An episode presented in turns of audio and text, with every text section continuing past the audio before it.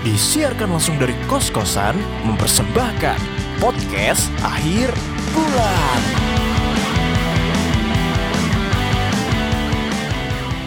Halo semuanya, selamat datang di podcast akhir bulan bareng gue Diki Fajrian. Masih berbicara tentang mimpi. Kalau yang kemarin gue ngomong tentang jangan ceritakan mimpi lo kepada orang lain. Tapi kali ini gue agak sedikit berkeluh kesah tentang gimana cara kita mendapatkan impian itu.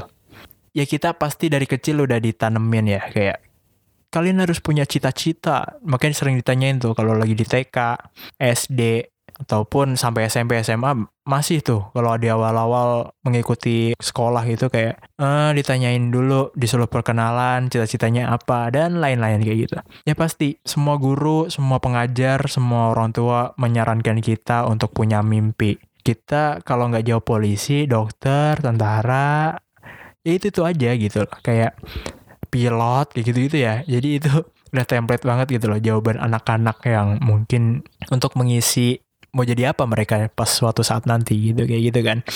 Akhirnya pas sudah dewasa mereka ngerti kan yang penting dapat kerja. Akhirnya ya itu buat impian masa kecilnya itu udah gak berlaku lagi gitu loh pas udah gede dia mikir kayak ah ternyata hidup itu berat ya udah akhirnya kerja apa adanya lah mengikuti kalau nggak mengikuti passion ya mengikuti takdir gitu kan ya udah akhirnya itu nah yang gue masalahin kita itu dari kecil diajarkan untuk punya mimpi, tapi tidak diajarkan untuk gimana cara meraihnya gitu loh.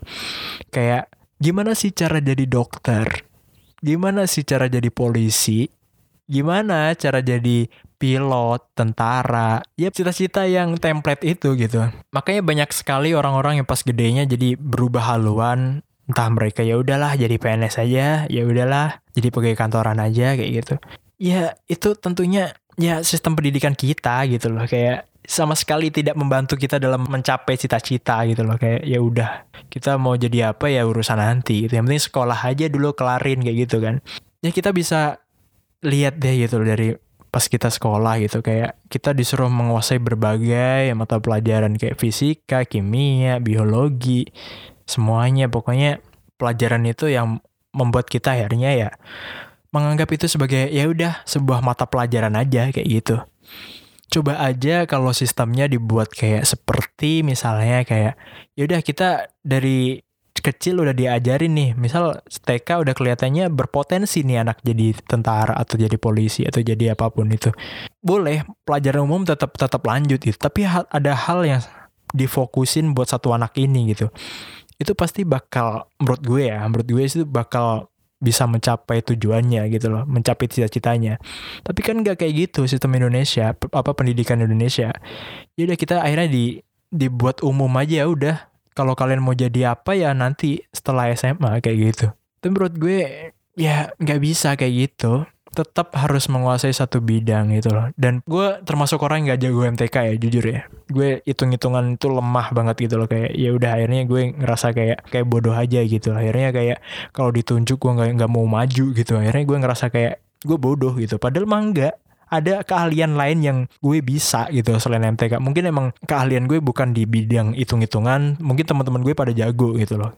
Nah, sebenarnya itu yang harus di, di, disadari oleh semua orang gitu loh. Semua orang, entah itu orang tua, pengajar, dan orang-orang di sekitar kita. Bahwa kita itu bisanya satu bidang aja udah, gak usah dipaksain gitu loh. Nah, yang paling bisa mengetahui, mengetahui ini kan orang tua kan. Orang tua kita yang membesarkan kita itu seharusnya mereka tahu gitu loh. Kayak, ke mana sih anak gue setelah ini? Minatnya di mana? gitu. Nanti bakal disekolahin di mana? Kayak gitu kan intinya.